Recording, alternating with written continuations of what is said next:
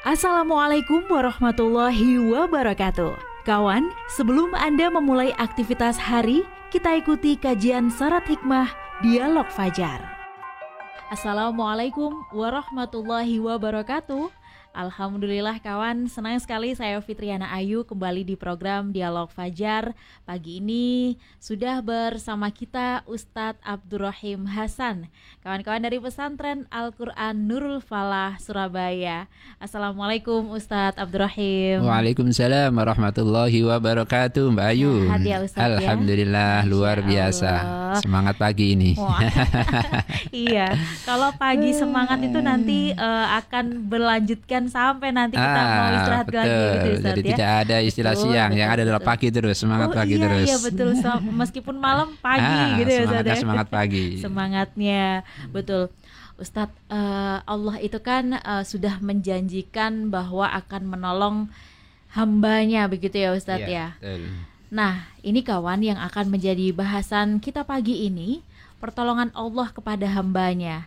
Ini kira-kira ke siapa saja dan ketika apa pertolongan Allah itu datang? Selengkapnya bersama Ustadz Abdurrahim Hasan. Monggo Ustadz. Baik Mbak Ayu, Bismillahirrahmanirrahim. Alhamdulillahirabbil alamin wassalatu wassalamu ala asrafil anbiya wal mursalin wa ala alihi wa ashabihi ajmain amma ba'du. Mbak Ayu dan kawan-kawan yang berbahagia. Alhamdulillahirabbil alamin. Puji syukur selalu kita panjatkan kehadirat Allah Subhanahu wa taala yang telah memberikan rahmat, taufik, hidayah dan kesehatan kepada kita semuanya. Sehingga pada pagi yang agak-agak dingin ini ya. Agak dingin karena AC, ya AC, karena ya. AC. Ini Allah masih eh, bisa memberikan kesehatan kepada kita semuanya untuk hadir di tempat yang berbahagia ini. Semoga Allah selalu berikan kesehatan kepada Amin, kita amin. semuanya dan berikan jalan yang mudah kepada kita untuk selalu berusaha untuk mendapatkan pertolongannya di mana pun dan di setiap saat di mana kita berada. Lima ayu yang berbahagia. Pada suatu hari Ibnu Abbas radhiyallahu anhu melakukan safar atau perjalanan bersama Rasulullah Muhammad sallallahu alaihi wasallam. Kemudian Rasulullah itu bersabda seperti ini. Eh, beliau eh, bersabda, "Wa idza sa'alta fas'alillah wa idza sta'anta fasta'in billah." Wahai anak muda, kata Rasulullah, jika kamu memohon sesuatu, maka mohonlah kepada Allah. Dan jika kamu minta pertolongan, mintalah pertolongan kepada Allah Subhanahu wa taala. Jadi dari hadis di atas kita bisa buat sebuah penjelasan bahwa jika kita mau memohon pertolongan maka hanya satu mintanya kepada siapa? Yaitu kepada Allah. Allah Subhanahu wa taala. Tidak kepada yang lain. Jangan kepada makhluknya Allah, Allah. Subhanahu wa taala. Ya, ada yang di bawah pohon. Ah, ada yang di atas makam. Ya ya. Ada yang di depan batu. Mm-mm. ada mungkin dengan manusia. Jadi jangan itu. Tapi kita minta pertolongan itu kepada Allah Subhanahu wa taala. Karena yang lain tadi adalah makhluknya Allah Subhanahu wa taala. Karena itu Allah Subhanahu wa taala juga berfirman yang agar kita ini diperintah oleh Allah untuk memohon kepadanya. Wa qala rabbukum ud'uni astajib lakum. Dan Rabbmu berkata, berdoalah kepadaku, niscaya akan aku kabulkan. Itu kata Allah. Jadi Mbak Ayu, Hmm. Allah itu suka kalau hambanya itu memohon. Jadi semakin sering hambanya itu memohon, maka semakin senang Allah itu.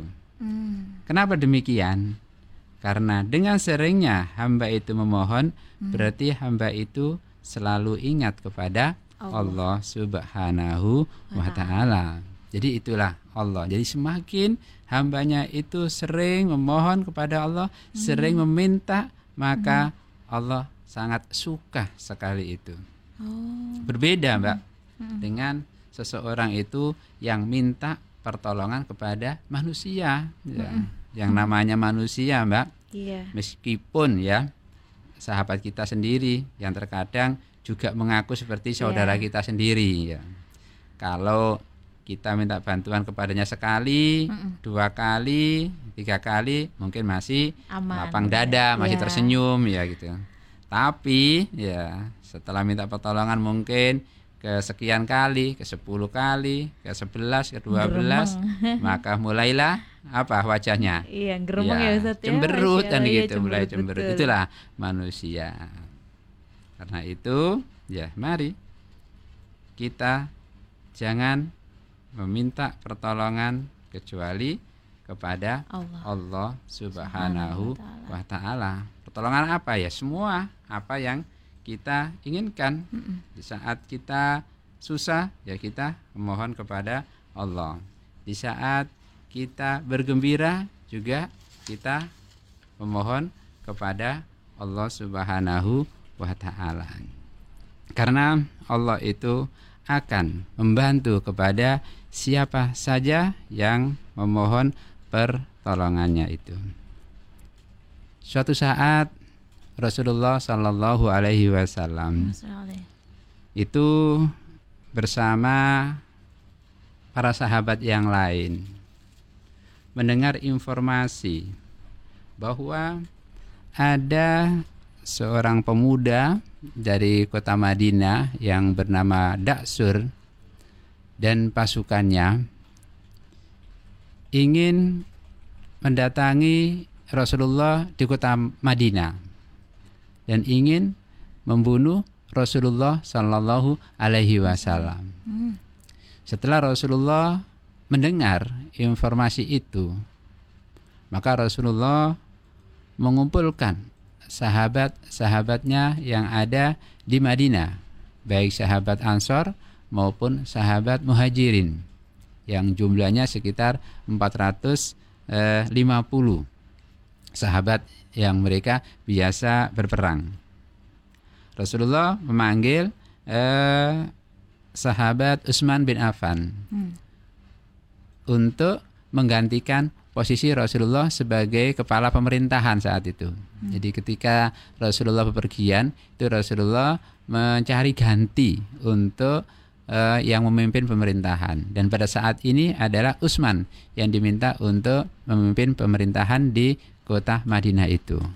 Kemudian Rasulullah bersama 450 pasukan tadi itu mendatangi pasukan Daksur hmm. karena cukup jauh perjalanannya maka Rasulullah SAW bersama sahabatnya itu istirahat ketika istirahat itu ternyata Daksur mengetahui hmm. bahwa Rasulullah itu istirahat di bawah pohon dan Daksur langsung melompat di hadapan Rasulullah.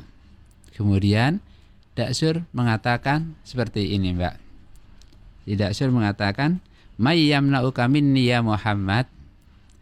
Siapa yang akan menolong kamu Muhammad dari pedangku ini?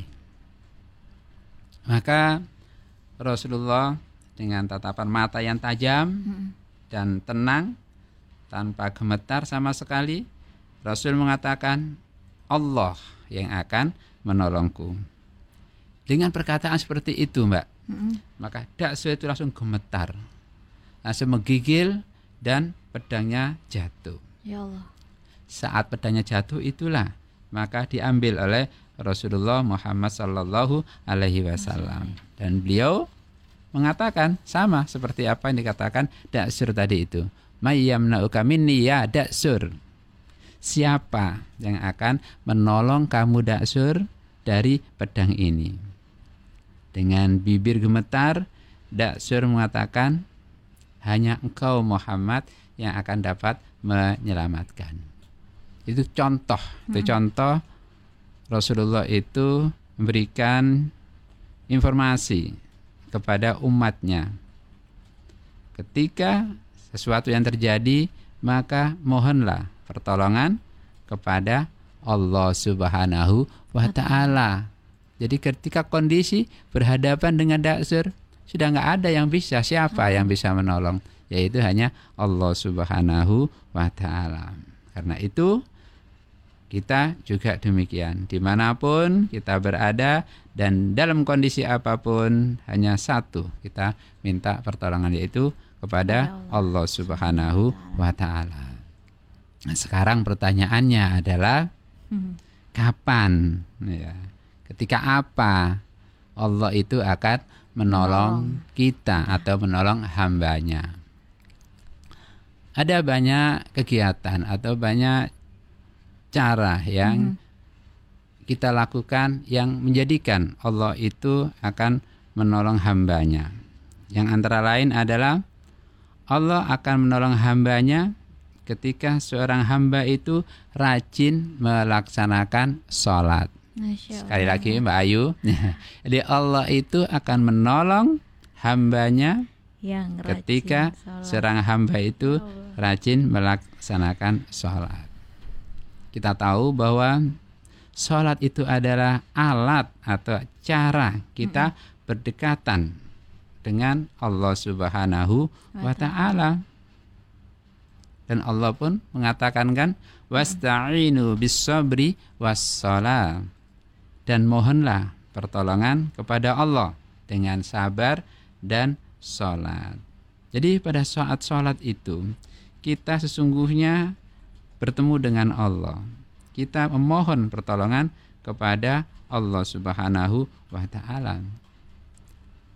Bacaan-bacaan yang ada dalam sholat itu banyak bacaan-bacaan yang bertujuan memohon pertolongan kepada Allah Subhanahu wa taala. Seperti ketika kita membaca surat Al-Fatihah itu iya kana budu wa iya kanas ta'in. Itu kan kepadamu ya Allah kami menyembah dan kepadamu kami mohon pertolongan. Hmm. Jadi minta pertolongan kepada Allah pada saat kita membaca surat Fatihah. Mungkin juga yang lain ketika kita kira-kira seandainya saat duduk di antara dua sujud ya kita juga berdoa kan kepada Allah. Doanya gimana Pak Ayu? Rabbi firli warhamni wajburni warfa'ni warzukni wahdini wa'afini wa'fu anni. Nah, itu kan doa. Ya Allah, ampunilah aku, rahmatilah aku, perbaikilah keadaanku, tinggikanlah derajatku, berilah rezeki dan petunjuk untukku. Jadi doa kita hmm. kepada Allah Subhanahu wa taala pada saat sholat. Jadi saat sholat itu adalah sebuah kegiatan yang sesungguhnya Rasulullah Shallallahu Alaihi Wasallam itu sangat merindukan ketika hadir waktu sholat itu. Jadi ketika Bilal berkumandang adzan, maka Rasulullah dengan senang datang untuk melaksanakan sholat itu. Kenapa begitu? Ya karena Rasulullah akan bertemu dengan kekasihnya, bertemu dengan Allah Subhanahu wa taala yang di situ Rasulullah bisa berdoa, bisa memohon pertolongan kepada Allah Subhanahu wa taala. Dan sampai-sampai suatu saat saking asiknya Rasulullah ini bercengkrama dengan Allah Subhanahu wa taala pada malam hari saking lamanya sampai kakinya bengkakan gitu. Ya. Sehingga Ibunda Aisyah bertanya kepada Rasulullah, "Ya Rasulullah, mengapa engkau berlama-lama melakukan sholat ini sampai kaki engkau bengkakan gitu?" Maka Rasulullah dengan tersenyum mengatakan, ini adalah bentuk syukurku kepada kepada Allah yang telah memberikan nikmat kepada aku. Dan dengan Allah pula lah aku mohon pertolongan kan begitu. Jadi di saat sholat itu Allah akan berikan pertolongan kepada hambanya. Hmm. Apalagi yang lain, mungkin eh, di saat hambanya menolong orang lain. Hmm. Jadi ketika seseorang itu menolong orang lain, hmm. maka Allah akan menolong kepada seseorang yang menolong orang lain tadi itu. Hmm. Sebagaimana uh, Rasulullah sallallahu alaihi wasallam bersabda, "Wallahu fi auni abdi, maka nal abdu fi auni akhihi." Jadi Allah senantiasa menolong hambanya selama hamba tersebut menolong saudaranya. Hmm. Jadi pada hadis yang lain juga Nabi pernah bersabda juga, barang siapa yang menjadikan mudah urusan orang lain, pasti Allah akan memudahkan urusannya di dunia dan di akhirat. Kalau seseorang itu sering menolong orang lain, pasti Allah akan mudahkan urusan dia, baik itu urusan di dunia maupun urusan di akhirat. Jadi kita menolong kepada orang lain itu sesungguhnya adalah pada dasarnya adalah menolong diri kita sendiri, Mbak. Ya, hmm. tadi itu. Begitu kita menolong pada orang lain, maka Allah akan menolong kita. kita Bentuknya apa kita menolong orang lain itu banyak sekali, Mbak, dalam kehidupan kita ya. Mm-hmm. Ya, ketika ada tetangga yang punya hajat, ya kita bantu ya. Ketika ada tetangga yang kesusahan, ya itu yang kita bantu. Ketika ada orang yang tersesat di jalan, kita tunjukkan. Hmm. Itu kan contoh-contoh sederhana kita menolong orang lain, lain. itu. Baik, Mbak Ayu, hmm. eh, selanjutnya adalah pertolongan Allah itu diberikan kepada hambanya yang hambanya itu suka bersodako. Nah, jadi ya kalau hambanya itu suka bersodako, mm-hmm. insya Allah akan ditolong oleh Allah Subhanahu wa taala. Banyak sekali kan kita dengarkan hadis-hadis ya seperti as-sadaqatu taruddul bala. Ya, sedekah adalah penolak bala. Jadi barang siapa yang ingin agar dijauhkan bala, maka silakan bersodako. Dan banyak sekali eh, riwayat lain yang betapa dengan sodako itu maka Allah akan memberikan pertolongan kepada seseorang itu. Iya, dan lagi Mbak. Eh, apalagi ketika Allah Subhanahu wa taala itu menolong hambanya hmm. yaitu di saat hambanya melakukan amalan soleh secara terus menerus atau istiqomah. Jadi ketika kita melakukan hmm. sesuatu yang baik atau yang eh, soleh tadi itu dengan istiqomah, maka Allah akan memberikan pertolongan kepada hambanya. Hmm. Di suatu saat Rasulullah itu bertanya kepada Bilal, Hai hey Bilal, amalan apa yang kamu lakukan sampai-sampai hentakan sandalmu itu yeah. terdengar di dalam surga. Masya Allah. Apa kata Bilal?